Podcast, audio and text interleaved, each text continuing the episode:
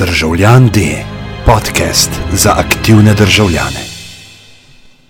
Uh, najprej za tiste, ki to poslušate doma, uh, če to slišite prvič doma, te besede pomeni, da ste napolno zafrknili, zato ker so to zadnji štirje mediji. Uh, konec je z mediji, odkorakali bodo v, v, v gosti in se ne bodo nikoli vrnili, se se hecam, pač bomo to ponavljali. Uh, danes imamo v bistvu temo ekonomija uh, slovenskega medijskega prostora, malo smo to pustili na koncu oziroma smo za nalašč v bistvu zadevo rešili na tak način, da se ne bomo skozi pogovarjali oziroma da bi načeloma lahko pri vsaki od prejšnjih tem, uh, od prejšnjih tem uvalili noter še, še, uh, še ekonomija, pa smo rekli, da o tem narediti uh, eno posebno oziroma zaključno srečanje. Um, predstavim goste, z mano sta um, Anže Boštic uh, iz portala Pod črto, uh, odgovorni urednik, to pretepi nikoli odgovorni urednik, nek, neke vrste odgovorni urednik, neodgovorni urednik in Primoš Cirman, uh, novinar uh, časopisne hiše Dnevnik in uh, to zveri fakt, funkcija v DNS-ju. Aha, ja, podpredsednik. In podpredsednik Društva novinarjev Slovenije.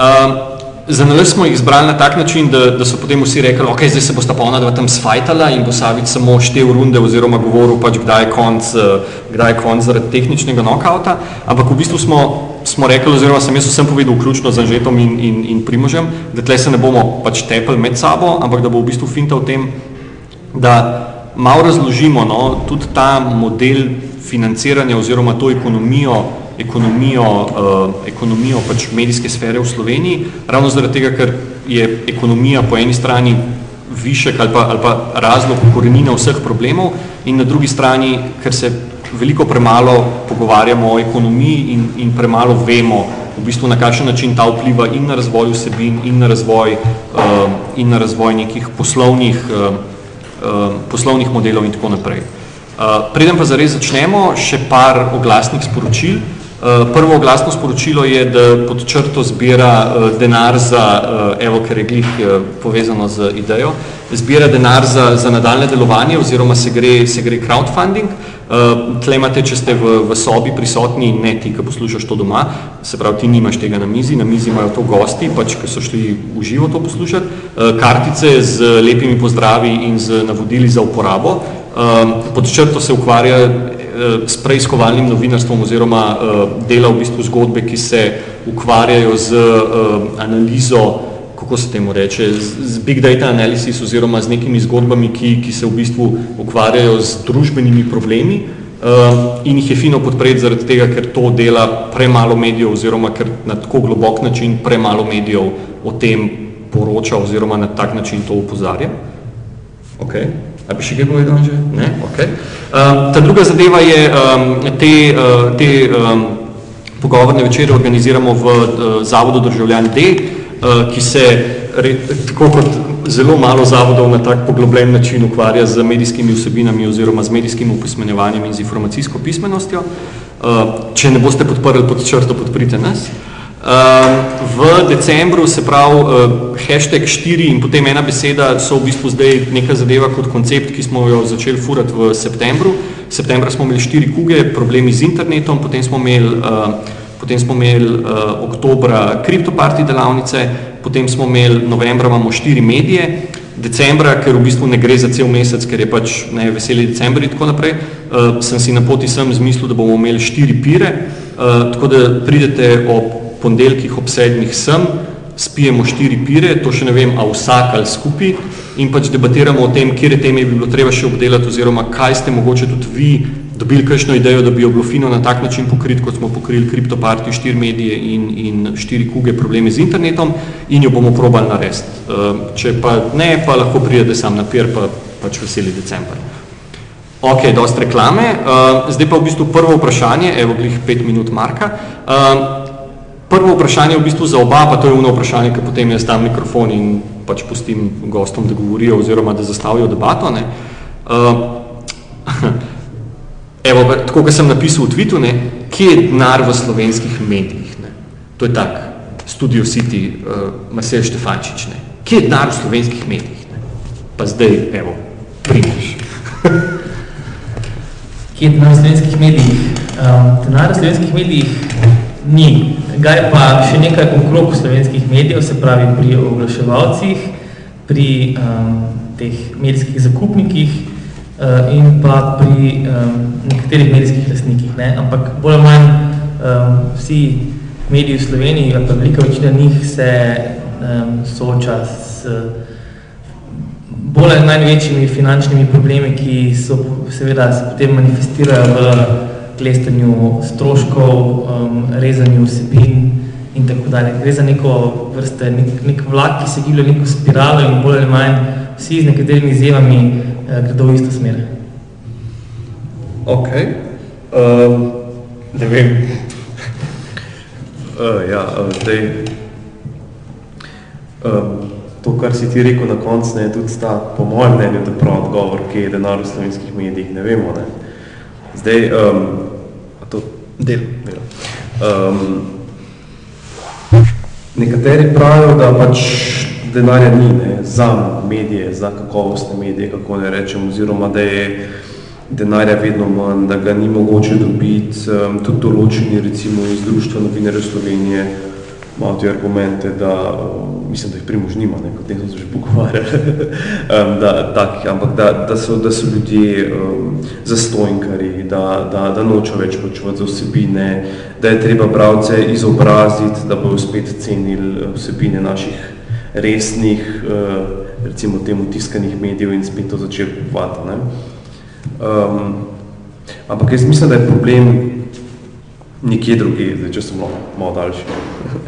um, uh, jaz moram priznati, da sem šel tudi, predtem smo se tlele zapili, danes sem šel na konzultacije k Učiču, da, sem, da sem malo obdelala temu, zakaj je v bistvu spalo do tega prišlo. Um, da pač ne samo to, da ne vemo, kje je denar za medije, za dobre medije, ampak da, niti, da si niti tega ne upamo priznati, da ne vemo, kje je. Ne?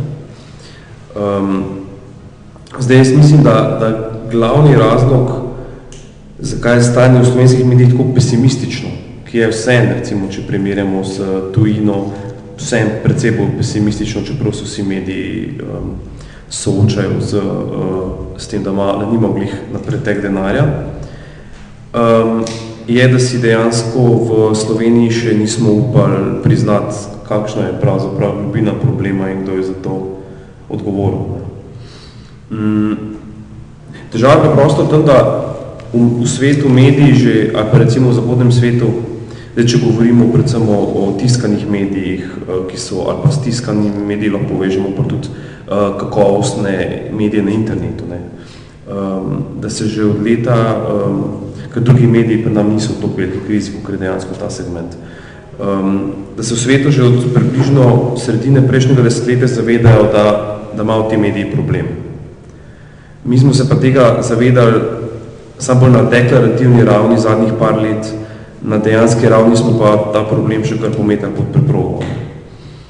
Um, in jaz mislim, da je, to, da je to glavni problem, pa lahko mogoče nadaljevano rečemo malo tudi, zakaj je do tega prišlo, um, da dejansko poskušajo mediji v zahodnem svetu že od leta 2005 recimo aktivno reševati to situacijo. Z najrazličnimi poskusi, poslovnimi modeli, poskusi monetizacije vsebin. Um, ko sem bil leta 2013 v, v Nemčiji in se tam pogovarjal z nekim združenjem, uh, mislim, da ne ima bilo novinarsko, ali bilo založnikov, mislim, da bilo založnikov, so rekli, da, da mediji tam dejansko odpirajo nočne klube, da s tem dobijo nek denar in uh, um, s tem financirajo svojo osnovno dejavnost. En, mislim, da je odprl pivnico, ne? same take inovativne zadeve. Medtem, kar pri nam smo pa leta 2015, pa še kar nismo šli iz teh okvirov ven, uh, uh, kakšno vsebine je treba dejansko delati, da se bo prodajale, um, kako targetirati, ne vem, oglaševalce, ali se lahko res mediji svoje občinstvo porabi še za kaj druga, da stvari monetizira drugače. In to je v bistvu moja glavna taka konstruktivna kritika sistema. Ne? Da v bistvu že deset let od takrat, ko se zavedamo problema, ne delamo nič, razen da poskušamo rezati stroške na načine, ki so uh, najbolj brutalni, najbolj ranljivi skupin zaposlenih v medijev, pa tudi uh, doskrat nezakoniti. Ok, ja, ne vem, tvoj. Replika. Uh, seveda se z veliko večino um, moram strinjati, uh, vendar stvar je še hujša. Ne? ni res, da slovenski mediji ne delajo nič.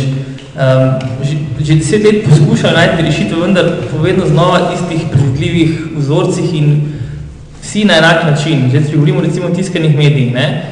Um, pred letom 2008 se, se je iskalo rešitve z najemom pajno dragih svetovalcev, recimo tujih svetovalnih hiš. ATK ni bo naredil nov poslovni model in na delo so imeli najetega za, za, in potem tudi recimo kakšni drugi svetovalci v kakšnih drugih hišah Ne? In seveda z tega ni bilo nič, razen da je pač nekdo dobro zaslužil. E, potem prišla kriza in um, naenkrat seveda več kriz hkrati, torej tako ekonomska kot, kot sama strukturna povezana s tem pač s prehajanjem vsebin na, na splet. E, socialna kriza, ki je prizadela seveda bralce, ki pač nima več denarja za naročnine, in pa finančna kriza medijskih lastnikov, skratka ta nek vrtiljak kriz, um, se je potem naenkrat nasilil spoznanje, nekaj pa treba storiti ne? in kaj zdaj. Ne?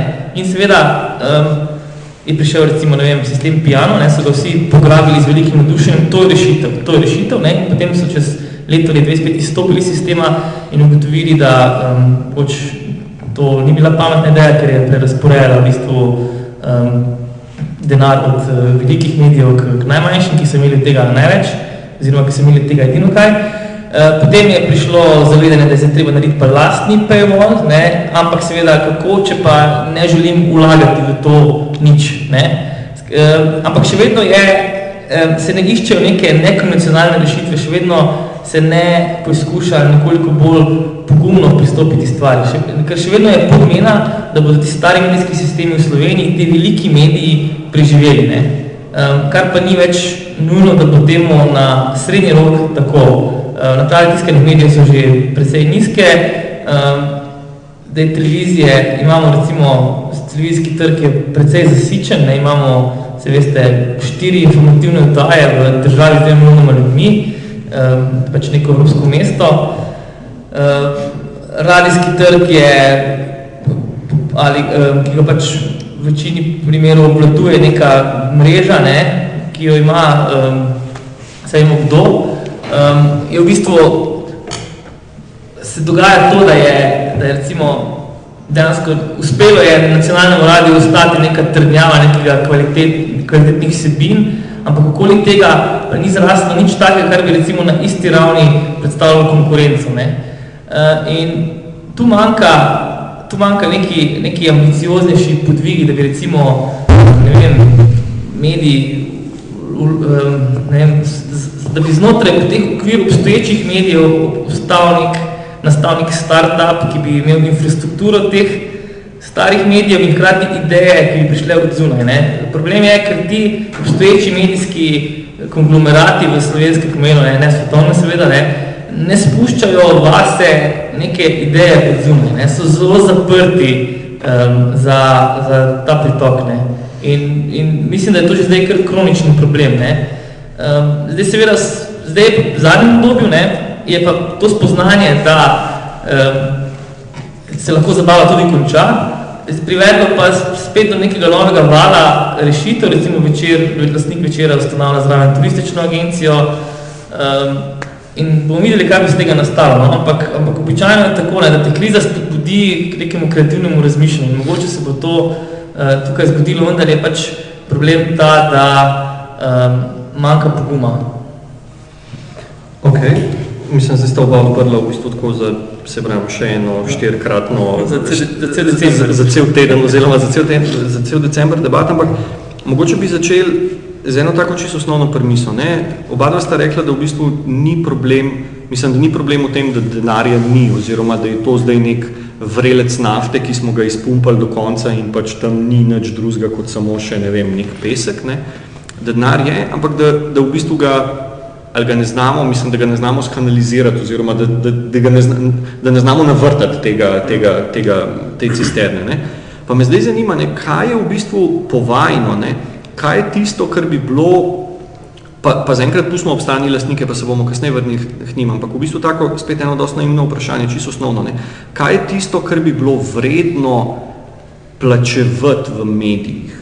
Oziroma, tudi na osnovi neke, neke te teoretične vsebine, se pravi, ne zdaj konkretno naštevati, ne vem, pri, ne vem, kateri, ne vem, pri podčrto je vredno plačevati to in to in to, ne, ampak v bistvu, kaj so, kakšni tipi vsebin so tisti, ki jih, ki jih mediji trenutno pač obvladajo producirati ne, in jih je vredno plačevati. Zdaj, če bomo malo tako, malo pretiravam, bi rekel, ne, da če bi jaz to vedel, ne bi imel počrto 50 tisoč evrov budžeta ta leta pa 5 milijonov. Ne. Okay. Um, lej, to je, jaz ti bom spet ne, povedal, ne vemo, ne.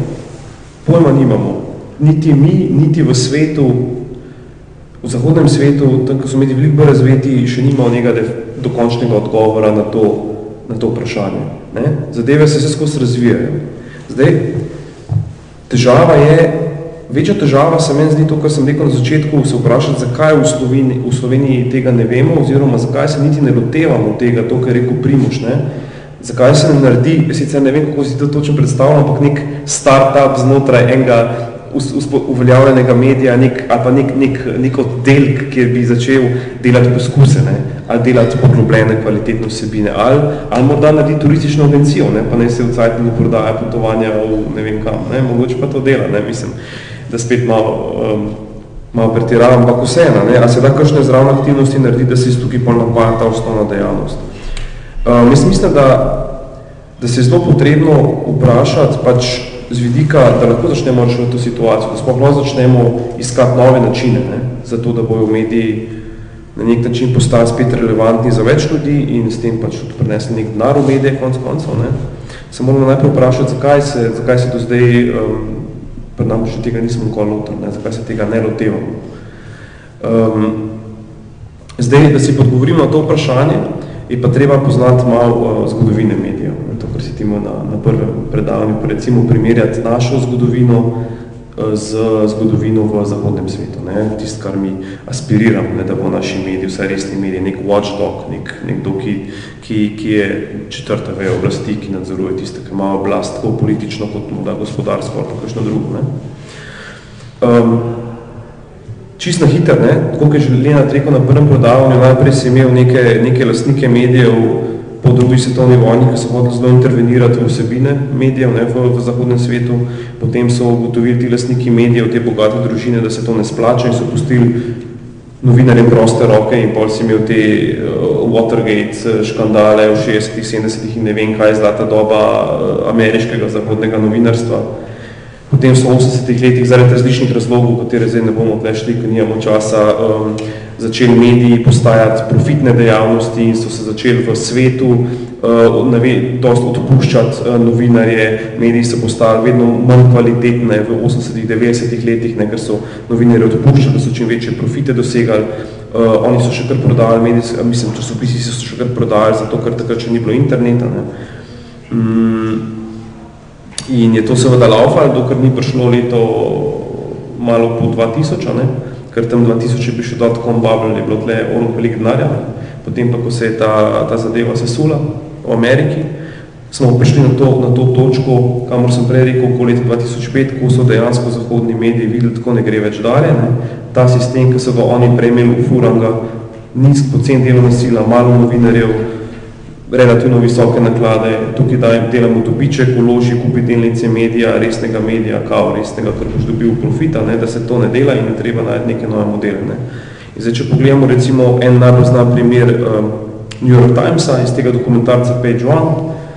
Uh, New York Times je takrat um, leta 2010 se mi zdi odpustil, ne vem, ali 100 ali 200 novinarjev, ne, da se je s tem znizil stroške. Um, ampak on je to naredil across the board, a ne, ni rekel, zdaj bomo pa ta stare dajali v pokoj, pa ne bomo mladih zaposlovali, ne. Um, se začel pač redefinirati, potem v, v, mislim, da je uvedel tudi paywall, ne, ker mu zdaj gre kar precej dobro, mislim, da ima koliko milijona, dva milijona naročnikov. Um, in pač išče nek model, ne, kako bi se zmonetiziral. Ne. Um, recimo, en tak zelo zanimiv primor je tudi uh, britanski Guardian, ki je imel že pred letom, mislim, da tam okoli leta 2005 je imel, je imel uh, paywall, imel, mislim, da tudi okoli milijon ljudi, ki so dejansko že takrat plačevali za content, ampak se potem uh, to je bilo še malo pred letom pet, pod nekimi, kar takrat so bili zelo ambiciozna predvidevanja, kako bo šel oglaševalski denar na internetu gor, kako bo vsi služili iz oglaševanja, zavestno odločil, da bo paywall scanstvo, da ga ne bo več, da bo njihova spletna stran vsem brezplačna. In se je takrat malo v bistvu zaklon, o tem tako rečemo. Ampak vsi mediji so takrat dojeli, da, da je treba nekaj narediti na tem delu, eni bolj, eni manj uspešno. Ne? Zdaj, noben ne pije tako platvo na Upper Guardian ali pa New York Times, da bo to jutri propadlo. Um, pri nam se pa zadeva obrnila malo drugačne. Mi smo pa seveda prej imeli um, socializem, kjer, som, kjer je bilo pač uh, delo, recimo, je bil praktično monopolist, zdaj kar tako neka, neka konkurenca temu ni mogla prijeti, imel zagotovljene visoke naklade, dnevnik pa večer na svojem regionalnem področju tudi relativno ok. Um, Potem so prišla 90. leta, pa 2000, kjer pa, um, kjer so bili mediji, kot jaz sem še dosti subvencionirani, tudi z državnih podjetij. Pa je prišlo pa tudi pri nam to nesrečno leto, okoli leta 2005, ko so se tudi pri nas začele stvari malo lomati. Čeprav zdaj oskrat se to naveže na to krizo, ne? na, na, na, na, na Jane Zajanšo seveda, ki pa Boška Šrota, ki sta naredila štalo, ki sta sicer seveda jo, pa tudi potem na to, na to krizo pol do leta 2009-2010, ker kao ljudje nimajo denarja. Če pogledate naklade ne, slovenskih medijev, so že od leta 2003 začele padati, nekaj drastično padati. Kriza je sicer to deloma pospešila, na delu se je to zgodilo še prej, ko je prišel tandem Jančič pa, pa Slivnik, ne, sta uspela naklado kar, pred, kar lepo zrušiti. Um, ampak že 2005 se je kazal ta trend naklade, da, da pada dol ne, in da bo dejansko ta naklada uh, pa tudi oglaševalskega denarja ni bilo toliko, da bo treba nekaj spremeniti. Ne? Ampak za razliko od tujih medijev so se slovenski medijem to odzvali malo drugače. Ne? Prvo je, da so nekaj zaposlovati ljudi. Jaz mislim, da Primoš ti bil eden zadnjih ljudi, ki, so jih dejansko, ki je dejansko dobil redno zaposlitev. Ne? Po tej tvoji generaciji, kako bi rekel, ja, ja, zelo, zelo ja, ja. malo ljudi so se v medijih zaposlila. Ne? Ja, jaz sem še med mlajšimi zaposlenimi ja. pri rostnih 36. Ampak treba se je vedeti, ja, točno to, ne, da že leta 2005 so mediji nehali zaposlovati v veliki meri. Ne, ne zdaj, ko imamo to krizo prekercev, pa inšpektori letajo po medijih. Ne.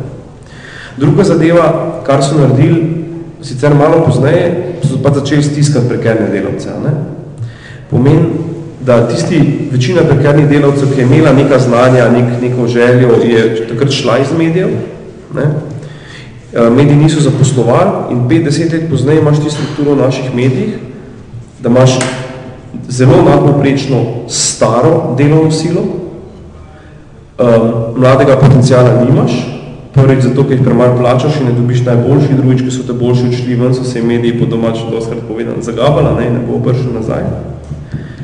In logično je, da se v takih razmerah noben medij, po mojem mnenju, ne more odzvati na izzive dan danes in ne more narediti enega oddelka, ki bi vsaj poskušal narediti nove stvari, ki bi potem na konc koncev ne, pod črto tudi denarnost. Ne. Um, in tukaj je po mojem srž tega problema. Ne. Zato se ni zgodil. Seveda zraven pride internet, seveda zraven pridejo uh, nestrateški lastniki, ki so krizo pri nam še do neke mere poglobili. To je vse jasno. Ne. Ampak po mojem mnenju imajo mediji da danes hud problem prav s tem, da oni dejansko nimajo kadra, ki bi to znali. V bistvu imamo še bolj ta boj v medijih, zaposleni hočejo obdržati svoj zaposlitveni status, mladih ni, vedno, ko se govori o urejanju statusa prekernih novinarjev, imaš pol odzad tiste skrbi starih, ja, kaj pa, a zdaj bomo pa mi mogolita, ne, ker seveda denarja ni dost, da se vse zaposli. Um, Ampak dejansko vsaki medij je tudi družba in v vsaki družbi rabiš ti imeti mlade ljudi, ki imajo energijo, pa zanos pa stare ljudi, ki imajo izkušnje. Če imaš samo eno, pa samo drugo, to ne bo šlo. Ne? Mi smo pa zdaj v tej drugi fazi jaz mislim, da dokler si mediji ne bodo naredili nekaj podobnega kot New York Times, ne bomo prišli nikamor.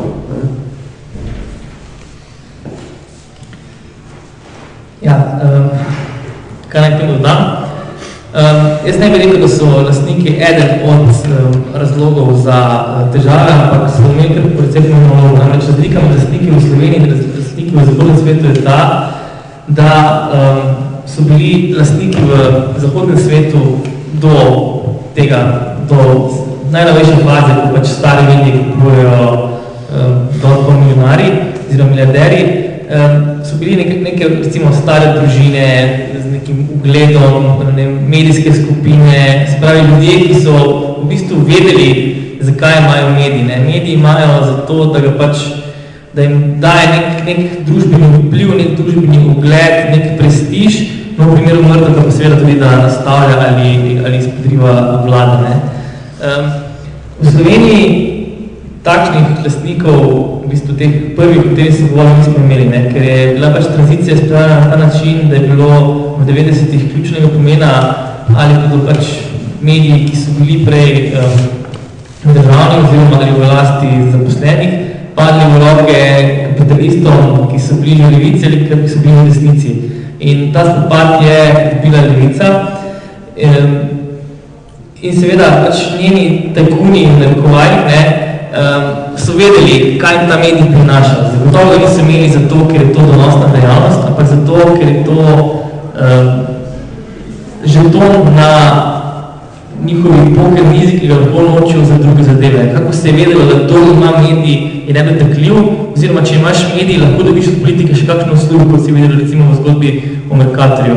In zdaj seveda, um, potem imaš lastnike, ki jih v bistvu razvoj medija bolj malo zanima, ker itak verjamajo, da bo ta medij trajal večno in seveda pravi volje za to, da bi karkoli spremenil znotraj medija, razen da znižuje stroške, pač nimaš, ne.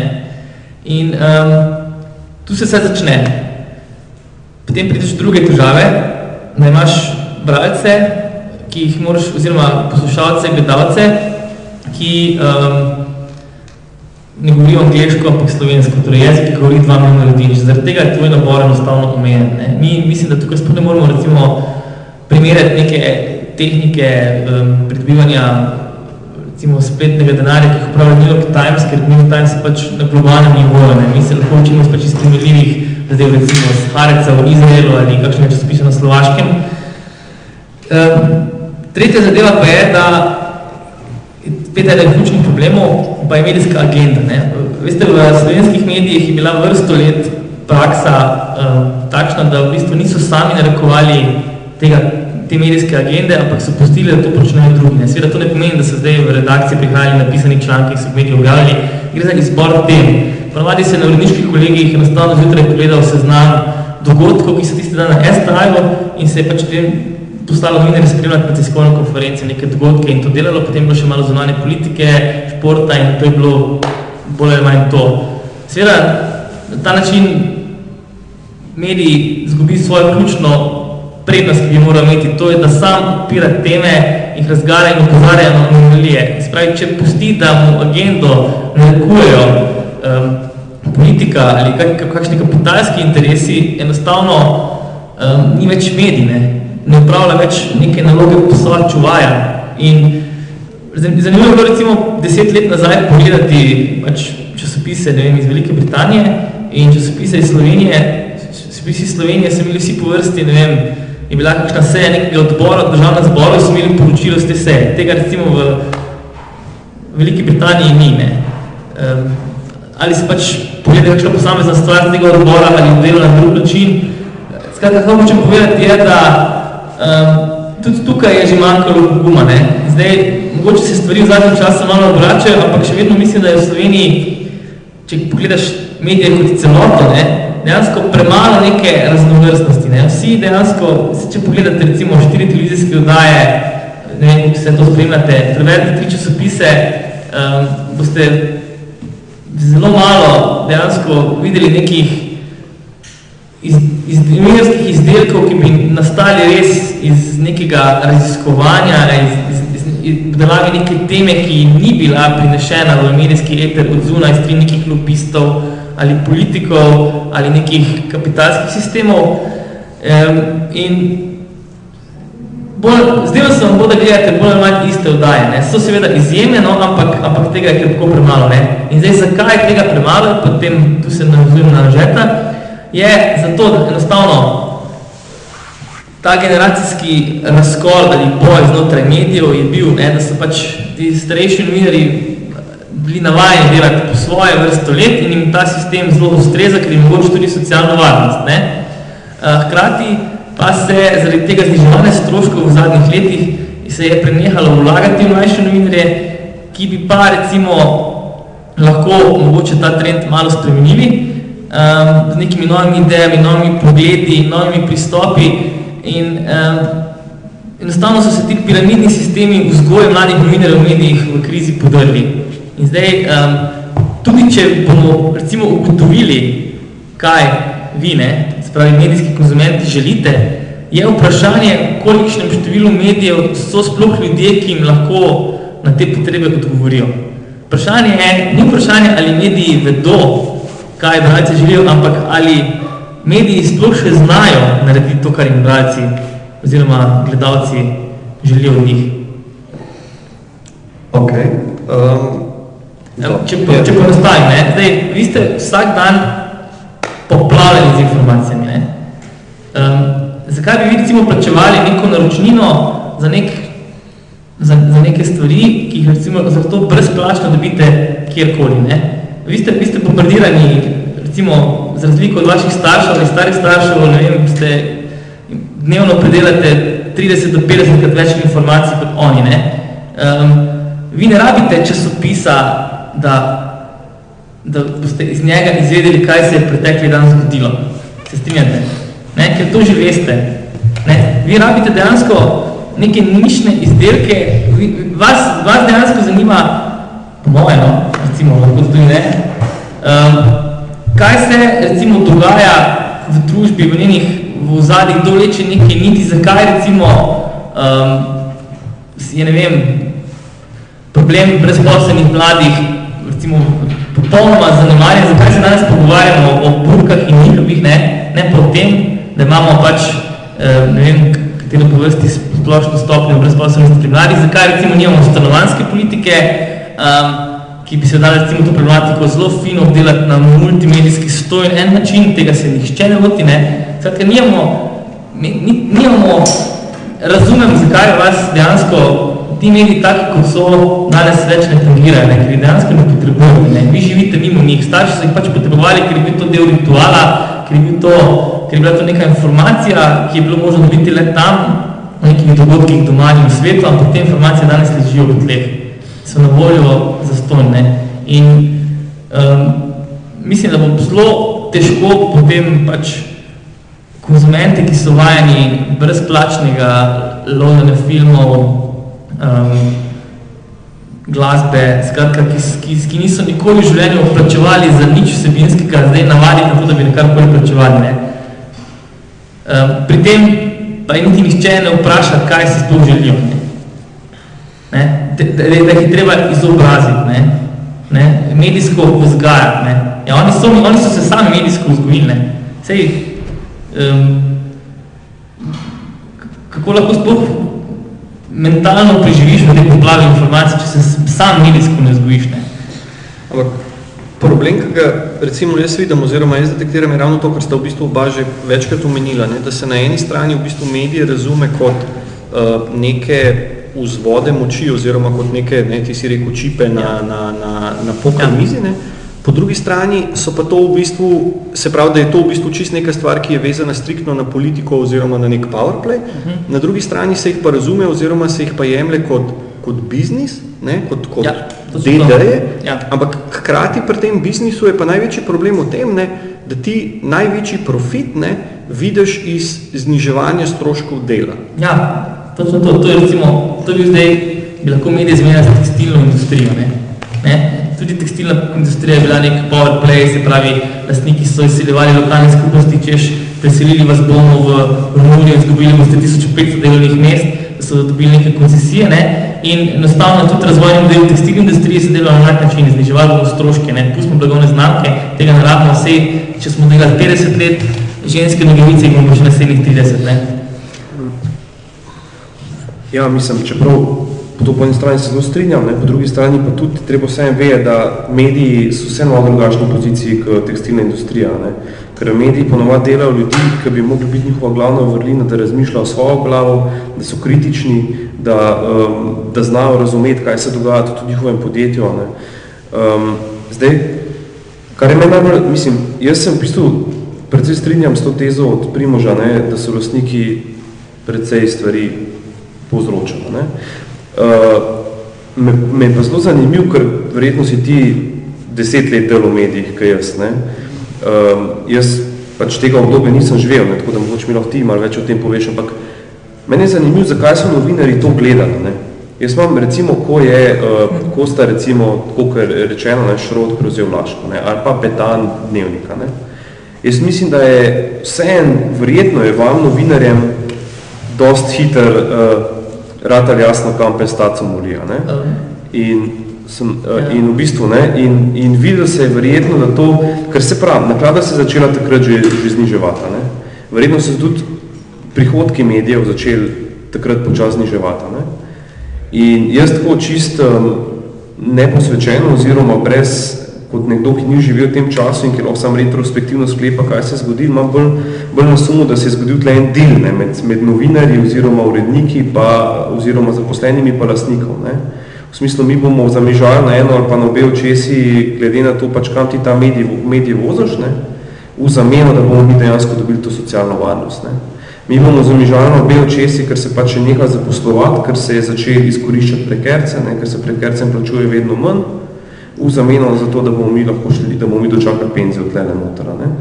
In v bistvu meni se, men, men se v bistvu zdi tudi zanimivo, kako smo do tega prišlo, ne, ker se tudi verjetno novinari lahko stavkajo, ali pa na to opozarjajo, ali pa, um, ne vem, malo ma verjetno nekaj vzvode. Ne.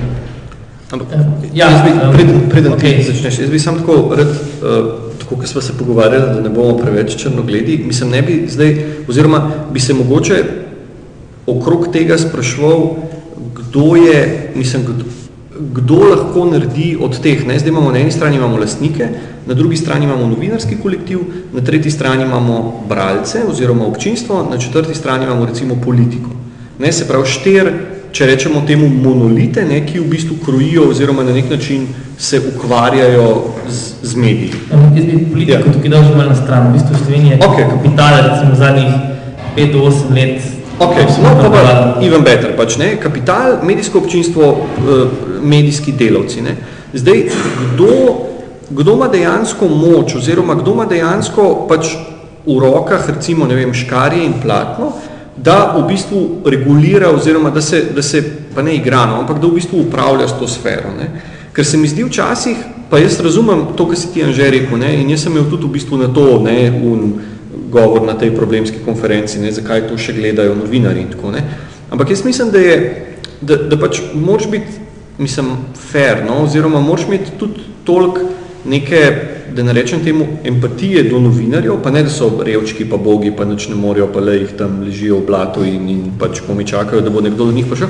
Ampak samo to, da je v bistvu, pa, pa jaz izhajam iz izga vidika, ne? jaz mislim, da če bi se, pa to je zdaj mogoče malo ta komentar, ne veš, da če bi se novinari nekako povezali med sabo, oziroma če bi novinari sami pri sebi poštekali, da, da uno ni smisla v čakanju, do, da pridejo do mojih vrat, ne, da je dost, da pridejo v hišo ali pa da pridejo na isti hodnik, ne, pa bi se mogli takrat dogajati neke, da ne rečem, barikade oziroma neke, neke te, uh, neke, uh, neke, neke geste solidarnosti s stroko oziroma s fohom, ne, Ampak ne za solidarnost v tem primeru. Vem, vem, vem, ampak, ampak na to forum, veš, da, da ti v bistvu s tem nekako pokažeš neko, A veš, da, da to ni nekaj, kar, da, da ne rečeš v bistvu, ne, jaz niso v mojem hodniku. Ali pa še huj, ne, jaz niso v moji pisarni, čeprav so šli min tokrat. Ne. Ampak to so v bistvu neke zadeve, ki, ki, ki, ki so recimo vsaj približen toliko utopične, kaj je moja ideja, ne, izobraževanje oziroma, uh, mislim, kad trajem dolgi rok, izobraževanje publike. Ne. Se pravi, da bodo medijski odjemalci tisti, ki bodo sprožili svojimi zahtevami ali pa svojim mm, svojim percepiranjem ne, tega, kakšni ne bi bili mediji in kaj se zdaj od medijev pričakuje, oziroma predstava medijev, ki se, ki se primerja z dejansko, z dejansko izvedbo teh medijev, ne, da bomo s tem prišli do boljših medijev. Se pravi, da ne, ne, upora, ne uh, novinari oziroma ne ta uredniška struktura, ne lastniki, ne, ne bodo tisti, ki bodo dali ta prvi ta uh, push oziroma ta prvo to, v bistvu, ta prvi ta signal, da ej, lej, this is not okay, hočemo nekaj drugega sam to, pa pa, ja, pač. Ja, nikoli ne podcenujem moči inercije in samo slepljenja, da pač pobrali bodo um, le um, komuniste, homoseksualce, um, židene, to mene pa ne bodo prišli. Ne. Um, zdaj, tukaj je izvirni greh celo deloma staren strani samih novinarjev, ki so pač v začetku 90-ih let recimo zelo radi volje prodajali svoje certifikatske deleže v lastnih medijih um, za stanovanja in avtomobile in se s tem v bistvu zagotovili socialno varnost, pri čemer je najbolj zelo, da, so to, da je ta socialna varnost bila zagotovljena novinarjem, ki že tako ali tako uživajo danes največjo socialno varnost od vseh, ne gre za isto generacijo, ne? ampak, ampak verjetno so bili to takšni časi, ne vem, tega se pač osebno ne spomnim. Zadnja gesta te neke večje solidarnosti celovske je bila 2004, ko je eh, bil poskus stavke, novinarske stavke v podporo komunalnim eh, sodelovcem, da se je bolj manj izjavil, ker v um, novinari so sami po sebi zelo, zelo egoistični in tudi pogosto egocentrična bitja, um, ki um, rade bojijo nacizme majhnih razlik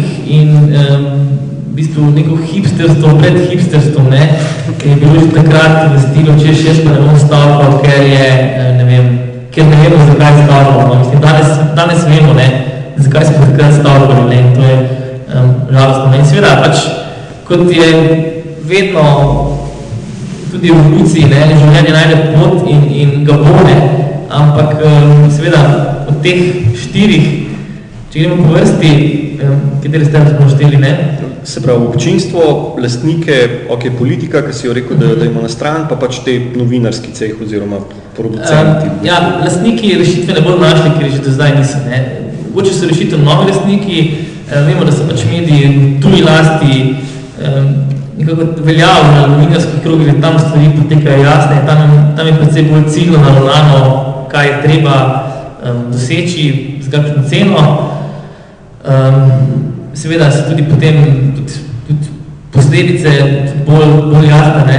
Um, zdaj, politika, seveda si ne želimo, da politika ureja zadeve, ne? ker ti, um, to je približno tako, kot bi slon urejal trgovino s porcelanom. Um, mislim, da se zadnje bojimo pred temu, da bi politika posegala v medije. Um, novinarski kolektivi sami tudi tega ne bodo rešili, ker um, so enostavno preveč um, na dnevni bazi obremenjeni tako s tekočo produkcijo, uh, ki se intenzivira vedno hujše delovne obremenitve, uh, hkrati pa um, tudi do zdaj ni bilo nekih, tudi kakšnih takšnih nekih idej od znotraj in, in dosti, dosti ponerci poteka tam, ne. E, tako da mislim, da je rešitev pač od zunaj, ne. Um, edino občinstvo, ne. Zdaj, seveda, če pač tega spoznanja, kaj hoče občinstvo, ne bo, potem mogoče pač kakšnega medija, čez nekaj let, ne bo brez tega, enostavno ne gre. Ne?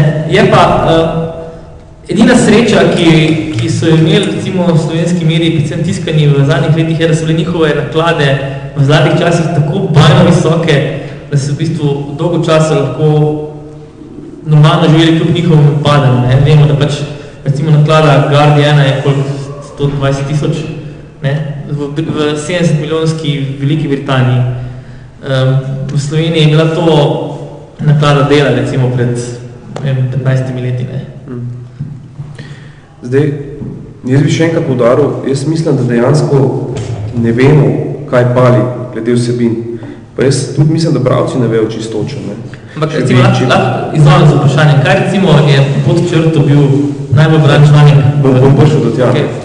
Zdaj, um, a veš, pa branost tudi ni enako dohodek, ne? tudi to moramo vedeti. Zdaj, um, um, noben, to je tako, kot je rekel Steve Jobs za, za Apple, ne? če malo spet lahko prediramo potrošnik, ne ve, kaj hoče. Ne? Isto je zdaj, če jaz vprašam, ne vem, nekoga, kakšen računalnik bi ti imel čez pet let rata, ne? kaj bi bi da tvoj računalnik naredi, ne? Ne vem, lahko bi rekel, ja, ne vem, jaz bi da bi se lahko usedel po letu z njim, ne, pa ne vem, da bi mi, ne vem, kaj naredil vse, ne, ampak pač noben ne ve, noben ne ve, kaj je možno narediti, ne. Ne vem, če jaz vas vprašam, kakšne medije bi radi brali, čem bi radi vi brali, ne. Ok, imate te specifike, enega zanima o avti, pa bi rad bral o avtomoto zadevo, ampak to že mari ve za to, ne. Če se pa že zdaj sprašujemo o resnih medijih, ne, kakšne vsebine hočeš imeti, pa jaz se bojim, da niče čist točno ne ve, oziroma vsaj čist egzaktno se, se še ne ve. Ne. Um, zdaj, ena pozitivna zadeva, ki je ta kriza v svetu prenesla, je, da v zahodnem svetu vidimo ponovno spon preiskovalnega novinarstva, kar je super. Pač ti resni mediji so šli iz te mantre zniževanja stroškov, profitirane profita 80 pa 90 let, na to, da dejansko dela poglobljene zgodbe, daljše zgodbe, ker vidijo, da imajo tukaj neko primerjalno prednost, da tako rečem, pred internetom. Ne? Ker vsako gre recimo pri nam prebrati kolumno Jožeta Podamena v ekonomiji. Ne? Vprašanje, če rabi zdaj dnevnik neske tekste v ekonomiji, ker lo, da on piše stvari, stvari boljš, ne? kot ti ali pa jaz. Ne? Zagotovo pa Jožet Podamen ne more iti na ulico pa narediti enega koherentnega, poglobljenega članka o, o, o, o, ne vem, o, o gospodarski rasti. Ne? On vsa svoje mnenje pove, ne? v neke oske, v Peter Skave, ali pa kjer bo drugi ekonomist ne, da ne bomo zdaj njega.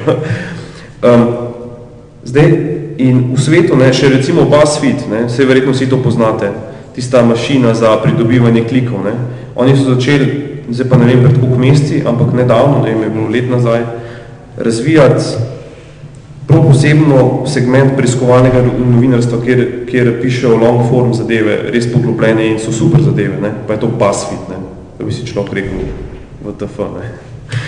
Um, In uh, pri nas pa, pa še nismo tam. Ne? In zdaj, ko si me vprašal, kaj na počrtu delamo, ne, da, da uspemo, ne, jaz moram povedati, da ne vemo čisto točno. Ne? Mi se ukvarjamo z zgodbami, za katere mi mislimo, da so pomembne za družbo, za katere mi mislimo, da upravljajo to funkcijo watchdog novinarstva, da jih tudi ljudje želijo obrati, ne? ker ljudje zanima, zakaj se pojavlja revščina, kriminal, ne brezposobnost med mladimi. Ne? Ampak ne moram pa jaz reči, da je to to. Ne? Jaz sem recimo napisal že dosti člankov čisto o neki mikroravni, ki sem mislil, da bo ful brani, pa ni bilo nobenega zanimala, pa en članek, ki sem mislil, mah, ne? Pa, je, pa, je, pa je ful, pa, pa je pač dobil ful klikov. Ne? Pa moram tudi vedeti, da članek dobi ful klikov, ni nujno, da bo tudi prinesel po domač povedal največ denarja, da bi bo za to ljudje donirali. Ne? Lauda, lauda je ena poglobljena tema, ki prebere samo 500 ljudi, da bodo toliko zanimivo poglobljena pa targetirala pravo občinstvo, ne, bom dobil veliko več, ko pa da objavim. Naš najbolj bran člane, katere eh, pekarne imajo eh, higijenske probleme, ne, eh, pa pač ti smo vsak poklika, pa gre stran, ne, vprašanje, ne vemo, ne, um, ampak to, to je spet ta poanta, ne, treba je probati, a ne, tukaj morajo dejansko glavno vlogo ne bravci odigrati. Bravci so že odigrali glavno vlogo, ker so povedali, mi takih medijev nočemo in jih ne kupujejo, oziroma jih kupujejo vedno manj. Ne. Bravci so svoje že povedali, ne, bolj so denarnicami, kot se temu reče. Zdaj pa morajo v bistvu po mojem mediji sami začeti to spoznati in začeti voditi to zadevo. Je pa tukaj res, tukaj se strinjam z dostavo Primoše, pa tle je res en hud problema, ne. ker imamo tu lastnike, ki, ki tega niso pripravljeni do med skupaj z novinarjem.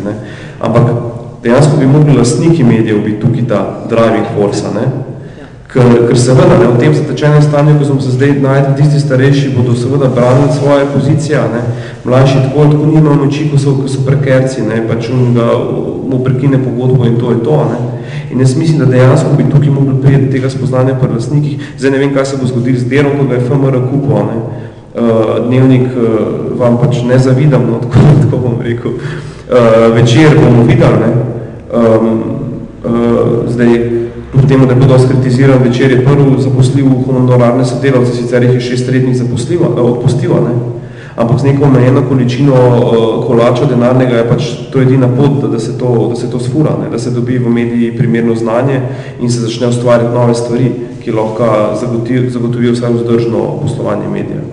Tretja zadeva, o kateri se pa zelo malo pri nas govori, ne? Je pa tudi zadeva, ko pač Kučič odpira, je pa to, da se je treba vprašati, ali so lahko resni mediji poglobljeni sploh še profitni mediji. Ne? Ali, ali se moramo sprijazniti s tem, da tak medij je lahko sustainable, je lahko trajnosten, je lahko magar NGO, ne? ne more pa biti to zadeva več v nadašnjem okolju, ki bo nosila 10 ali pa 20% dobičke na kapital. Ne?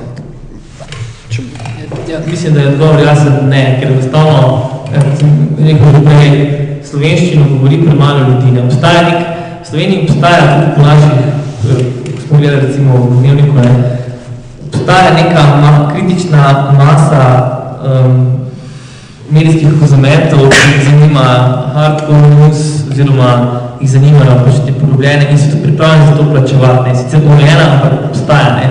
Ampak um, mediji še ne morejo biti v Sloveniji, um, mislim, če govorimo recimo o tiskanih, pa tudi spletnih, ne. druga zgodba so recimo televizije, ne.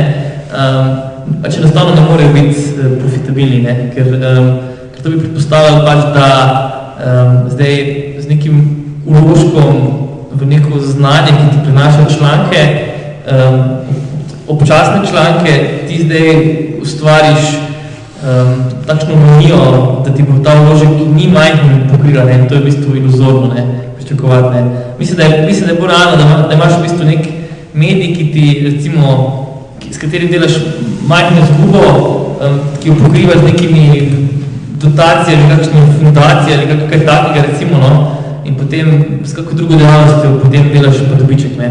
To mislim, da je model nekih novih medijskih lastnikov. Jaz tudi upam, recimo, da bo zdaj ta nov val, Eh, teh slovenskih bogatašov, če gledate pač te lestvice um, financ, teh 100 najbogatejših slovencev, ne, primerjate recimo zdaj in pa pet let nazaj, ne, popolnoma novi ljudje um, so vzniknili iz nekih popolnoma novih podjetij, novih panog, um, delujo v tujini, ne, in mogoče, da bi del teh, recimo, se potem odločil na stara leta, recimo, vložiti kaj denarja v medij, ne, Sam mislim, da sem še eno stvar dodal, ne, eh, debata o tem, ali lahko mediji, resen medij, ne, ali pa resen tiskan medij, profitna zadeva, ne, to je globalna debata, ne. Že recimo v Ameriki spoznavajo, da je to, da bo težko, a ne, ne sam pri nam, ne.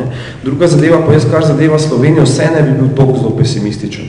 Ker moš vedeti, da je res, ne, v Amerika trg 300 milijonov ljudi, ne, Anglija 60 milijonov, koliko jih je, mislim, Velika Britanija, Nemčija, ne. Ampak to ima tudi več konkurence. Mi smo vse v Sloveniji jezikovno omejeni, pa po drugi strani pa tudi, ne, ti ne moreš zdaj zamenjati našega poročanja za Guardian. Ne. Guardian recimo ima določene članke super, ne, ali pa New York Times, ali pa kdorkoli, ampak on ne bo o slovenskih problemih poročil. Ne. Še ena taka recimo spoznanje s počrto, mi smo dejansko enkrat merili naše, našo branost ne, in se primerjali s ProPublico, ki je ena, ki dela podobno kot mi, ampak na malo večjem scale pa malo boljš, recimo. Ne. pač to je ta glavn, recimo, en izmed glavnih uh, preiskovalnih medijev, tudi je nevladna organizacija v Ameriki. Ne. In če bi primerjali prebival, prebival, rešil pač eh, razmerje med prebivalci Amerike pa branostjo ProPublike, pa branostjo nas, pa prebivalci Slovenije so imamo mi dva do trikrat boljšo branost. Mislim, da smo, da smo zadnjič računali. Ne. Tako da jaz mislim, da, da interesa, vsaj to pa lahko rečemo, da ugotavljamo s počrto za poglobljene zgodbe precej, tudi uh, relativno, tudi kot smo začeli malo tipati potem, kako lahko rečemo v prvem letu uh, našega delovanja, kjer smo zelo omejenimi resursi vsem dobili nek budžet, ne? tudi, tudi sredstvo se meni zdi, da ni tako malo. Ne? Zdaj, lahko pa da je, ne? lahko pa da imaš ti prav, zdaj pridemo spet na to poanto, da ne vemo. Ne? Dokler se ne bodo dejansko resni mediji, po mojem mnenju, lotili delati res poglobljene, kvalitetne zgodbe, ali pa sam boljše zgodbe, ali pa sam boljše dnevno opis dogajanja, nekaj vidimo spet s krizo medijno krizo novinarstvo, ne, te tvoje hipoteze ne bomo mogli ne potrditi, ne ovreči. Ne. Jaz si pa želim, da bi mediji naredili ta poskus tudi resni, masovni mediji, pa tako rečemo, z večjo eh, in da lahko enkrat dejansko rečemo, ali ali bo to res moglo biti strogo neprofitno na nem zelo omejenem segmentu, ali, ali, ali se lahko iz tega naredi kaj lepšega. Ja, zdaj glede konkurence, ne, se v Sloveniji je zelo huda konkurenca med mediji. Tri leta nazaj sem v Sloveniji 1, 2, 3, 4, 5, 6, 7 dnevnih časopisov, 6 uh, plačljivih, tega enega tabloidnega, enega, en brezplačnik, potem en športni, en poslovnik, tri splošno informativne. Ne um, se pravi, še enkrat, v bazenu dveh milijonov ljudi. Ne. Um, ja, ampak um, v vsakem primeru, ne, tudi če bi pač mediji probali zdaj ta svoj stari poslovni model zamenjati z nečim novim, ne, um, v vsakem primeru neizbežno, da bodo mediji manjši kot so. Ne. Teh velikih medijskih družb v Sloveniji mogoče bo pač, če recimo, ok, štejemo komercialno televizijo, mogoče en časopis, ampak ostali mislim, da se bodo močno skrčili. In, um, Seveda zdaj, um, noben, vsak ima raje pač inercijo, ne, da pač počaka še toliko časa, da lahko še ponovi te tiskane prihodke in, in, in pač čaka na nek zmežen trenutek. Ne. Mislim, da pač um, hkrati s tem, ko probamo kaj novega, ne, um, ne vem, to recimo, da bodo nekaj časopisi potem čez deset let celoti na spletu in izhajali potem um, tedenske tiskane, ne. Um, recimo, to, to je potem to pripele sam. Ne? Pa zanimivo, recimo, so pa medijski projekti v Sloveniji, ki um, tudi tiskani, ne? Ki, ki in gre dobro, recimo, Mladina Global, ne? je stvar, ki se je zelo prijela, ne? Um, čeprav je za neke vrste v bistvu filter, ne? nek Google News, ne? Um, ki ga imaš pač nek izbor nekih najboljših člankov, ampak se v bistvu, mogoče je pa to to, ne? se pravi, um, nek najširši možen nabor tem, ki kvalitetno prevedeš, kvalitetno plasiraš z kvalitetnimi fotografijami in to je to.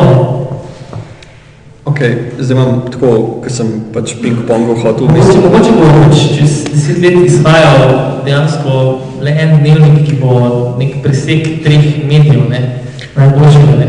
Ok, na, najprej ta prva stvar, pa bosta pol, pa vse fajn, ampak sem tako, da, sem tako, da, ja, no, sem tako, da presekam. Uh, ta prva stvar, ne, v bistvu je, najprej smo se pogovarjali v bistvu o tem, ne, da, da bodo bralci rešili mediji, ne, uh, pa smo se zadnjič v bistvu režali, ne, da, da v bistvu, če hočeš, da bralci rešijo slovenske medije, ne, imamo v bistvu idealno rešitev, ne, in to je, napišeš članek, kdo je zmagal drugo svetovno vojno, domobranci ali partizani? Ne, ne, ne več. Ne, ne, ne, ne več. Poslušaj do konca. Ja. Kdo, je, kdo je zmagal drugo svetovno vojno, partizani ali domobranci in potem daš 10 evrov za komentiranje.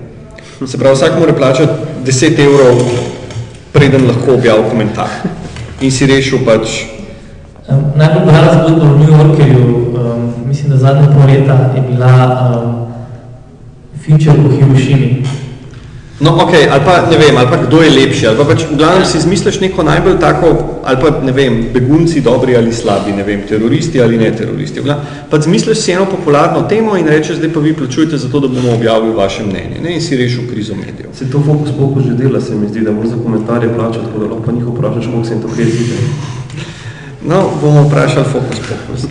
Ampak, ampak to je ta v bistvu, ne, to je ta, da greš v bistvu v popolno dekonstrukcijo vs, medijskih vsebin oziroma da padeš v bistvu 100% v, v, um, v družbo mnen ne? in fokus pokus je recimo ena taka, en tak, ne, da ne rečem, uh, en, en tak zelo dober indikator, da gremo tja, se pravi vse je, mne, vse je res nič ni resnično, ne, kako je že Alamut. Uh, in, in pač jaz ne vem, če bi če bi bilo to ful dobro, no? da bi se v bistvu potem samo še z mnenji obmetavali oziroma da, da bi imel tudi vreme, ne? da bi imel vremensko napoved, odvisno od tega, odvisno od interpretacije oziroma odvisno od tega, je, a je vremena pesimist ali optimist. Ne? Ali pa, ne vem. Ta druga stvar, se pravi, to, to je v bistvu, mislim, prelagati v bistvu odgovornost in to je moja druga poanta, ne? prelagati v bistvu odgovornost urednikovanja oziroma agenda settinga na publiko, se mi zdi zelo nevarna stvar. No. Uh, ampak agenda settinga v tem smislu, ne, da mediji ne pišejo o tistih zadevah, ki ljudi zanimajo, ne, na, na, z tega. Ne. Se pravi, da, da bi mogli v bistvu mediji, in to je to, kar se, se sta oba že povedala, ne, da bi se mogli mediji na nek način senzibilizirati za to, kaj so pomembne zadeve. Ampak ne, po, brano ni nuj, popularno ni nujno pomembno in pomembno ni nujno popularno, ne, se to smo že večkrat povedali, ampak vsem, da bi imel A veš, da bi imel tudi na uredniških, in to je mogoče tudi ena od teh stvari, uh, ki se zelo malokrat, oziroma smo se jo danes dotaknili, no se mi zdi, da dosti konkretno, ampak da se zelo malokrat, uh, da se zelo malokrat uporablja, mislim, da se zelo, malo, zelo malokrat pogovarjamo o tem, ne, da so v bistvu uredniki, v bistvu zamenjaš pa dobiš uradnike, ne, se pravi ljudi, ki ti merijo minutažo, ki ti merijo število znakov, ki gledajo, da so pač ne, In da je v bistvu tle zelo malo nekega tega, in to sta tudi oba dva danes povedala, malo povzemam, zato ker gremo počas po zaključku, ne, uh, sta tudi oba dva povedala, da manjka tega mentorstva oziroma a veš, tega upeljevanja novih kadrov. Ne. In uredniki bi mogli biti oni, ki bi imeli dejansko ta knowledge transition, se pravi prenašanje nekih, nekih tudi teh senzibilitet, ne, kaj novinarstvo, kaj so mediji, zakaj smo tle, kaj delamo in tako naprej. Ne. To je ta druga stvar, sem še eno imam, pa pa vidva spet naprej. Uh, Ramo listke, da si napišemo. Ne, ne, ne, v redu je, imamo v glavi, ne bom pozabil, ne, bom jaz, jaz bom pozabil zdaj. Uh, evo, pa sem, ne, nisem pozabil. No in ta tretja stvar je v bistvu to, kar se, kar se pogovarjamo, kar si ti omenil, Primož, uh, te zadeve o, o lastnikih oziroma o tem, kdo so zdaj ljudje s ful velik denarja, ki bi dejansko lahko kupili te medije. Ne.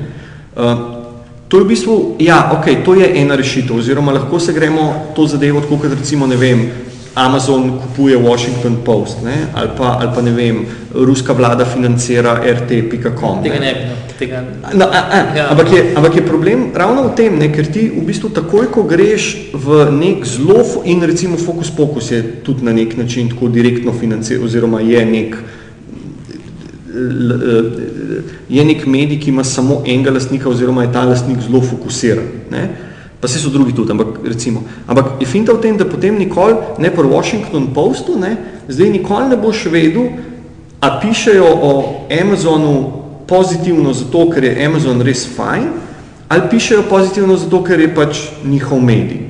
Oziroma recimo en primer, konkretno z Amazonom, ne, pred časom je bil en zelo dober članek, pa se ne spomnim, mogoče a kdo ve iz občinstva, en zelo dober članek, ko je šla ena od novinark undercover za delat, mislim, ko je šla delat v bistvu v Amazon, v skladišče. In je potem svetšopi in... to, to, Ja, to, ja, ne, in ja. je potem razlagala, da kako, Ja. Kako v bistvu ljudje mislimo, ne, da je to online shopping, kako, Ne. da je to v bistvu full upora in da to vse roboti delajo in da noben ne trpi in uno in tretje in potem je razlagala ne, kako, Nedeli zvečer, vsigljivost. To, ne, kako, kako je, ne vem, 12 ur na dan, kako, je v bistvu, kako so v bistvu v teh skladiščih še zmeri ljudje tisti, ki iščejo neke zobne ščetke z Hello Kitty unimi in kako je tam v bistvu, kako je tudi problem v bistvu v tem, da je, to si prav spomnim, da, da ti v bistvu zaradi tega, ker imaš take obleke, ker so obleke, ne znam toliko fiske, ampak ne prevajajo ali pa prevajajo in imaš pol full statike, ki se nabere, ker drgneš te škatle in karton in jo pol, da je imela tam prste v bistvu čisto žgane od statične elektrike. V glavnem na to foro, ne? Ampak ne, če je tvoj lastnik Amazon, ne, jaz grem staviti, ne, da ne bo pač lastnik dovolil, da se na tak način piše o njegovih. In to se recimo tle tudi naveže malo na politično, to imamo pri nas bolj čez to politiko, ne, se pravi, Ne, ne bolj čez kapital. No, pa čez Ja, kapital, no, ampak ja. v bistvu ta, ta obvod, ne, ampak je to v bistvu, to, kar si ti, se mi zdi glih tako nevarno v smislu, ne, da ti zdaj vabaš bogataše, ne, mislim, vabaš bogataše, da na nek način daješ signal, ne, lejte, mediji so čist v krizi, v finančni krizi, pridite zdaj noter, ne, z nekim jakim kapitalom, ne, in si kupite vsak svoj medij. Ne? In je to tudi malo tako, eh, mislim, se strinjam, da je na eni strani, če gledaš v bistvu striktno čez prizmo neke finančnega, finančnega pumpanja oziroma pumpanja kapitala v to, ne, je v bistvu najlažje, valjda, ne, prideš, vržeš, ne vem, 10 milijonov in, in kupiš v bistvu lahko vse medije v Sloveniji, ne. Ampak na drugi strani, razen pod črto, um, ampak na drugi strani je pa je pa problem ravno v tem, ker, se, ker ti s tem v bistvu sicer finančno rešiš medije, ne, ampak vprašanje, če jih rešiš, ne, če, če rešiš mediji, odžagaš četrto vejo oblasti, ne, ubiješ oziroma zastrupiš tega psa čuvaja popolnoma, ne, ker pol on laja tam prevezan na neko pobrendirano ketno, če tako rečem. Ne. Evo, sam to, zdaj pa, ja, daj. Sem to, če lahko Ja. um, to ni čist resa, ne, po mojem mnenju. Zdaj začel pa tretje vprašanje. Ne. Pač, mogoče se krog obrača, obrača ne. mogoče čisto isto, kar so gotovile bogate ameriške družine v 50-ih. ne. A veš, ker takrat so imeli čisto isto situacijo. Imele so neke medije, hotele so vplivati na, vsaj kar sem bil podučen, ne, na, na, na urednike, da so pisali tako, kot so oni žvižgali in ljudje tega niso kupovali. Ne. In so potem te družine rekli, ok, dajmo, dajmo pustiti proste roke. Ne. Um, ne vem, kaj se bo zgodilo z Washington Post pa, pa uh, Amazonom, ampak recimo dober primer je da Intercept pa Umidar. Um, to je pač, da Intercept je ta medij, ki ga je naredil Glenn, Glenn, Glenn Greenwald, pa mislim, da ga financira Umidar, Umid- Umidar je pa eBay, eBay naredil, ne, se mi zdi. Je pač, ne vem, povrgal tudi, ne vem, koliko 100 milijonov dolarjev v ta projekt. On je naredil Intercept, kjer je ta Glenn Greenwald nadaljeval- nadaljuje z razkritjem Snowdenovih zgodb pa vse to. Ne. On je hotel imeti še en portal. Ne. Njegov projekt je bil, da bi enega novinarja, ki bi bil zelo dober, Matt Taibbi, mislim, da se izgovori, ali ta Bibi, ali kako že, ki, bi, ki bi vodil na pol resno, na pol satirično stran o ekonomiji, Wall Streetu in bi se tako zelo kritično usmerjeno. In to ni šlo skosa, ne? zato ker ne bi se ta novinar z temi kod pogaji od umidarja skregal, oni smo da se micromanagement delati, bej, da je mogel umidar osebno potrditi za izdatke za, za taksi enega novinarja, ne vem, take absurdne zgodbe. Ampak, da Intercept ne, je vse to dejansko objavil. On je bil zelo kritičen do svojega lastnika, do umidarja. Ne. In oni še kar živijo. Ne. In noben verjetno je rekel Greenwaldu, Greenwaldu, da se pa ti malo mir, če ne, ne, te bomo gledali. A veš, ne? In ni nujno, da se bo dejansko v neki družba, ki je demokratična pa transparentna, da se bo to, da se bo to zgodilo. Pred nami je večji problem, morda malo, malo če glede tega, ker dejansko še nismo toliko stabilizirani pa toliko kritični. Ne? Ampak vseeno, jaz ne bi to nujno imel kot, kot zlo, ker tudi bravc ni putast. Ne?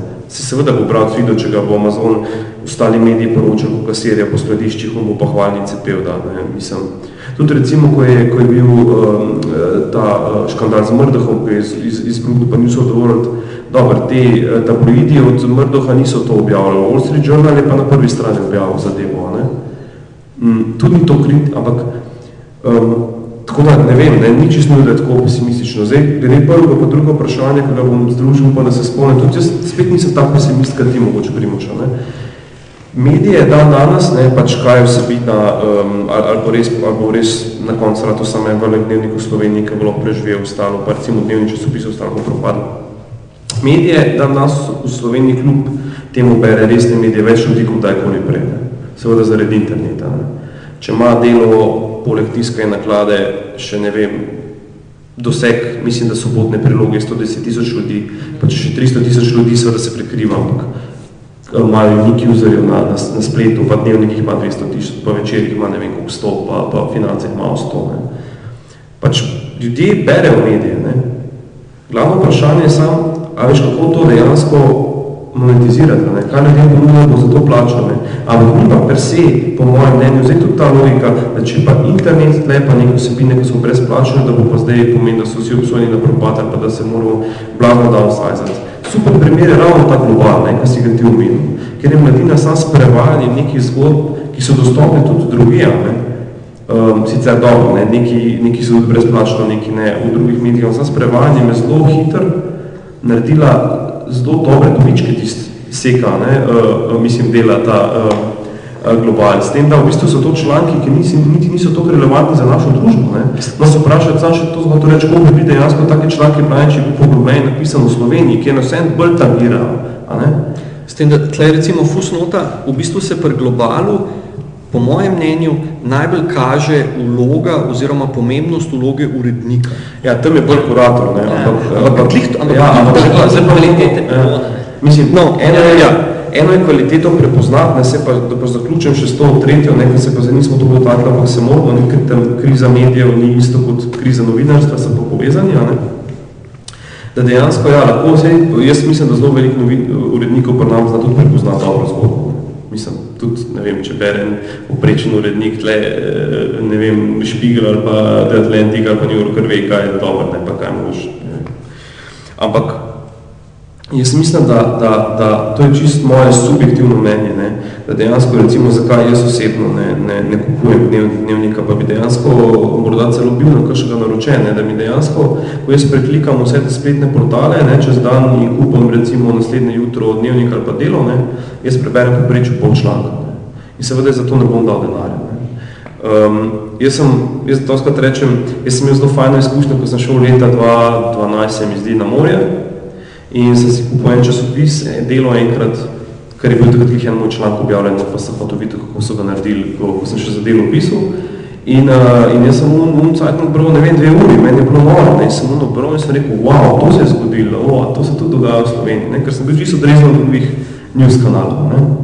Ali ko priš po Slovenijo, potem dejansko bombardiranjem z povzetki STA, za sto na hitr novicami, ki pa samo poročajo tisti najbolj rudimentarni zadevi, kaj se dogaja, ne, davke pa nobenega, nobenega ozadja zgodbe, nobenega poglobljenega pogleda, ne, in potem isto vereš praktično v časopisu, ne, seveda, seveda jaz ne bom kupil tega, ne, ampak vsem pa mislim, da pa zadeva ni tako pesimistična, da če se dejansko naredi po eni strani dober content, drugačen kontent, podoglobljen kontent, kontent, ki razlaga, ki razkriva v medijih, tiskanih medijih, recimo, spletnih portalih in se zraven še naredijo vse te podporne aktivnosti oziroma aktivnosti, ki se, ne bom rekel podporne, ampak ki jih poleg tega potrebuješ, pomeni dobra digitalna strategija, dobra strategija uh, objavljanja zadev, dober engagement, ne, uh, gradnja communityja, konc koncev, ne, da zadeva lahko uspe, da ni obsojen na propad. Ker tudi, če pogledaš, recimo, jaz mislim, da nekoga se bo zdaj to grdo slišeno, ampak Slovenci smo v priču malo bolj izobraženi, pa dojemljivi za medije, poglobljeni vsebine, pa američani. A veš, pa je, um, zdaj razloge za to. Ne. In po mojem, da tukaj, tukaj, jaz mislim, da je potencijalno, jaz tukaj sploh nisem pesimist. Ampak gledaj, lahko da se motim, zato pa pravim, da, da noben ne ve, lahko pa, da imaš ti, da ima kdo drug prav, no ne vem, če bo biti to poanta, da, da, da pač, ja, da bomo imeli en časopis. Ne. Zadnja stvar pa ja, je pa, je pa tudi vprašanje, to, ko si ti rekel, ker to sem se pa tudi pogovarjal, ne, ker me je tudi mene zanimalo, zakaj dejansko imamo mi dan danes snimamo recimo temu dobrih urednikov ki bi spodbujali to delo. Pa če pustimo ob strani vso to probleme z denarjem, probleme z, z honorarci, pa s to pogodbo, da bo stari lahko star do konca, pa to, ne? Da dejansko, kako sem jaz seznanjen, no, po nekoga teorije, smo mi dejansko v 60-ih, 70-ih, 80 letih dejansko imeli novinarje, urednike, ki niso bili to za nič, ne? Dobro, vse v partije, direkt niso, niso smeli blatati, ampak so pa pisali dobre zadeve, pa tudi kritični, ne? Pol se pa z osamosvojitvijo v Sloveniji to nekako prelomilo. In tak kader, ti uredniki, ki so takrat postali znani s tem 80 letih, s tem uh, antisistemskim pisanjem proti, proti partiji in so potem uh, v tem novem valu potem ratali, ne vem, znani uredniki, vse ne bomo po imenih, ampak če gledamo, kdo zdaj vodi naše dnevnike, pa, pa, pa, pa priloge teh dnevnikov, pa te glavne redakcije, ne? je pa dejansko zdaj oni nadajo od sebe tizga, kar bi, kar bi od njih pričakoval. Ne? In to je vprašanje zakaj. Ne? Eni pravijo, da takrat, ko so se oni kalili, da temu tako rečem, je bila ta sovražnik, ta partija, ta kršenje človekovih pravic, demokratizacija, kar je bilo tako močno in je bilo relativno tako lahko o tem pisati, pa biti kritičen, ne?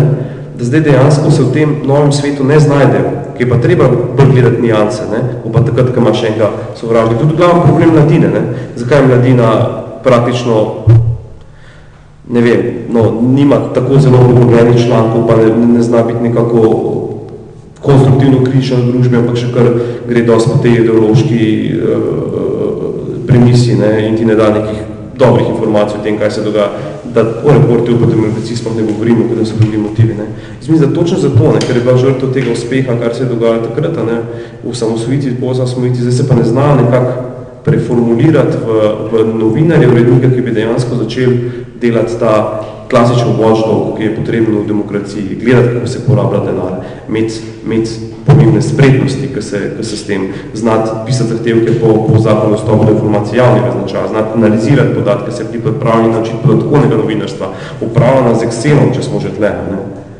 Um, tako da ja, definitivno se je tu zgodila tudi kriza novinarstva v smislu, da se te znanja, ki ne bi jih imeli takrat v 70 letih, niso prenesla na, na novinarje, ki zdaj dela v medijih. Ne? In tudi pred počrto, kar je zelo nekaj podarja, mi se moramo vse učiti sami z nule. Ne? Mi dejansko beremo tuje medije, gledamo, kako oni delajo, kje pridobivajo podatke, kako jih analizirajo. Mi zelo velikrat, po domač povedano, odkrivamo toplo vodo, gledamo, kakšne analize, s čim kjere teme se ukvarjajo, uh, s drugi mediji v svetu, ki delajo preiskovalno, pogledamo, ok, aj pri nam tudi problema. Ne? In dejansko se ne moramo ne, od, od, od, ne vem, iz, kako bi temu rekel, uveljavljenih novinarskih oseb pri nas očitno. Sorry, če sem bil malo Prej si govoril o Amazonu, ne? Um, vedno, je, vedno je na koncu stvar pri, pri človeku, ne, se konča, se pravi, pri tem, kdo je zdaj urednik in kakšen odnos si upa vzpostaviti do lastnika, ne?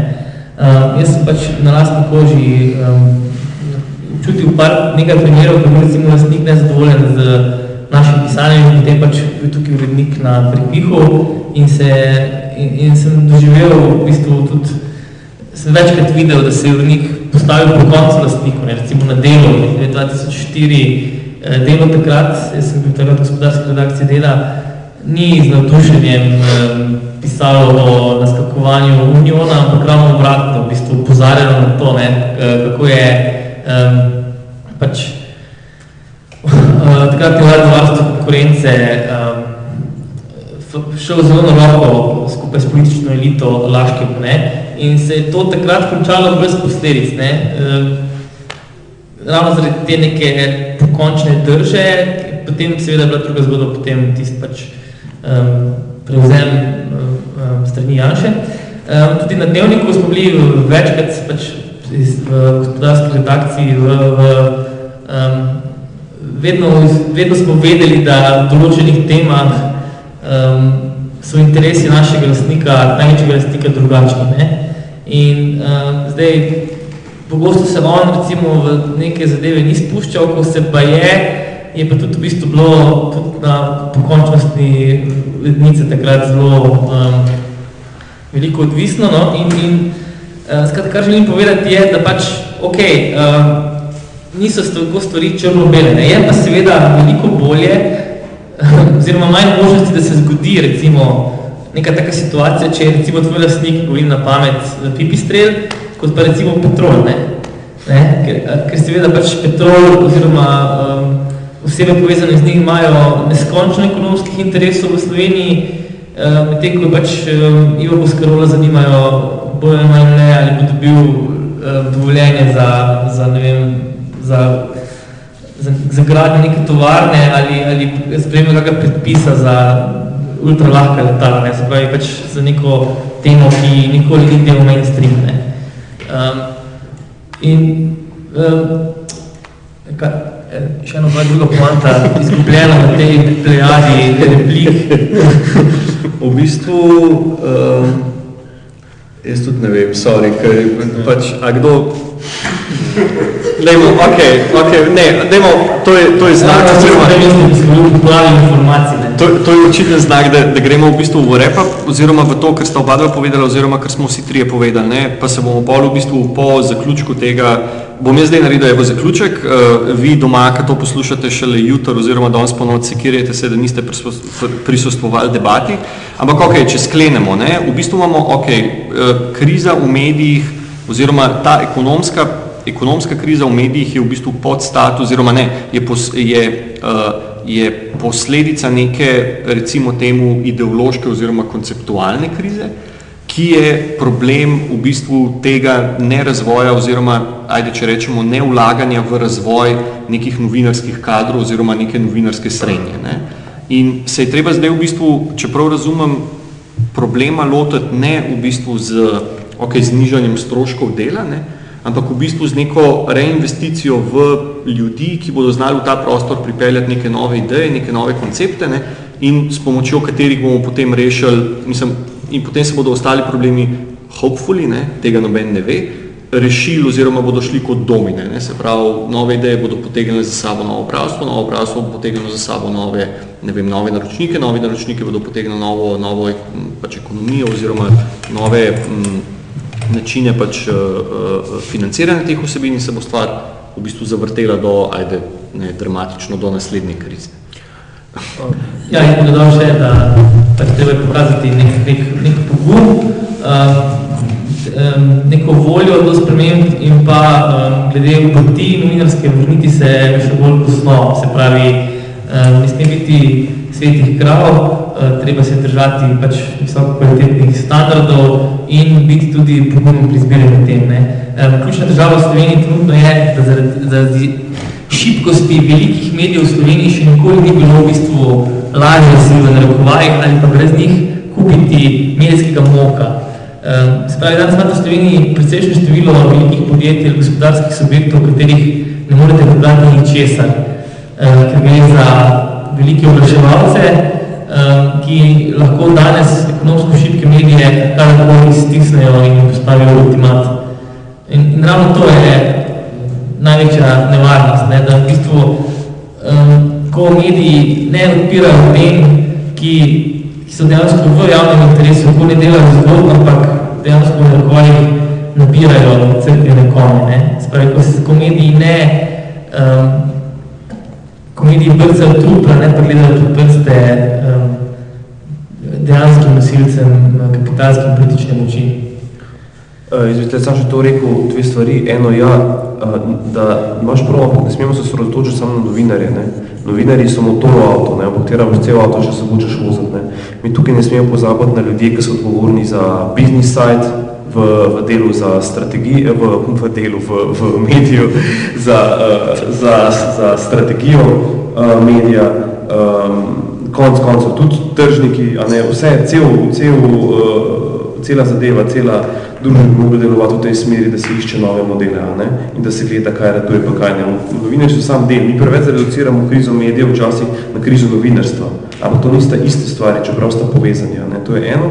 Drugo pa ja, definitivno je tudi rešitev, pač prva, da se dejansko začnemo o teh stvarih pogovarjati, kje so vzroki. In meni je zelo žal, pa če lahko to omenim, no ne mi zameti, ker res res kar predvsej veliko truda vložil pred to debato, da sem ta dogodek probil čim bolj zreklamirati, ker sem si res želel, da bi tle bili dejansko kakšni predstavniki novinarjev, ne, pa je žal tle Primoš Edini, ki je prišel iz DMS, jaz sem se pogovarjal z več ljudi v DMS-ju, dosegel sem, da je to letel na mailing liste, da se objavil na spletni strani, ker sem nekaj želel, da se tudi med njimi danes debata razvija, med njimi pa nami zdaj, kako pa oni to zadevo vidijo, ne, ker me čist zanima iz neke radovednosti, ne da bi bili uh, kanta za nabijanje, to, kar se, se ti bo Primoš, ampak, ampak mi je zelo žal, da ni nobenega, no, in se mi zdi, da, da se bo počas treba um, da bi se počas začeli mogli si o tem začeti pogovarjati. No. Tako mi predstavniki nekih novih medijskih projektov, ki smo kljub temu v svojem dozdajšnjem obstoju dobili neke uvide, ki mogoče bi veliči medijem prišli prav, ne. tako da tudi oni odprejo nek delov znamo. Ok, um, to je to. Um, na tem mestu bomo zaključili ta uradni del. Um, štiri mediji, četrti večer, um, debat o problematiki medijev, ki jih organiziramo pač v Zavodu državljan D, eh, gostijo nas še zmeri v, v tem čudovitem poligonu na, na Tobačni, brez njih nam res ne bi rad ali pol stvari naredili, ker smo jih naredili. Eh, danes sta bila z mano pod črto Anževo Buštic in Primoš Cirman, Društvo novinarjev Slovenije in častnik Dnevnik, medijska hiša Dnevnik. Um, Jaz sem bil še zmeri Domen Savič, oziroma jaz sem Domen Savič, hopefully, eh, da me niso zamenjali. Um, to je to, eh, kot že rečeno, eh, v decembru bomo šli na zelo mehek teren. Štirje piri se začnejo pač prvi ponedeljek v decembru, to je zdaj, a kdo ve datum prvega ponedeljka v decembru? Ok, evo, 7. december ob sedmih, evo dramatično, 7. december ob sedmih, poligon, pridite in boste videli, kaj pomenijo štirje piri. Um, hvala še enkrat obema gostoma, že se smeji, ne vem zakaj, to je čisto resna stvar, štiri piri, prosim, to je koncept, ne se smejati. Um, hvala še enkrat za pozornost in um, se vidimo pač decembra.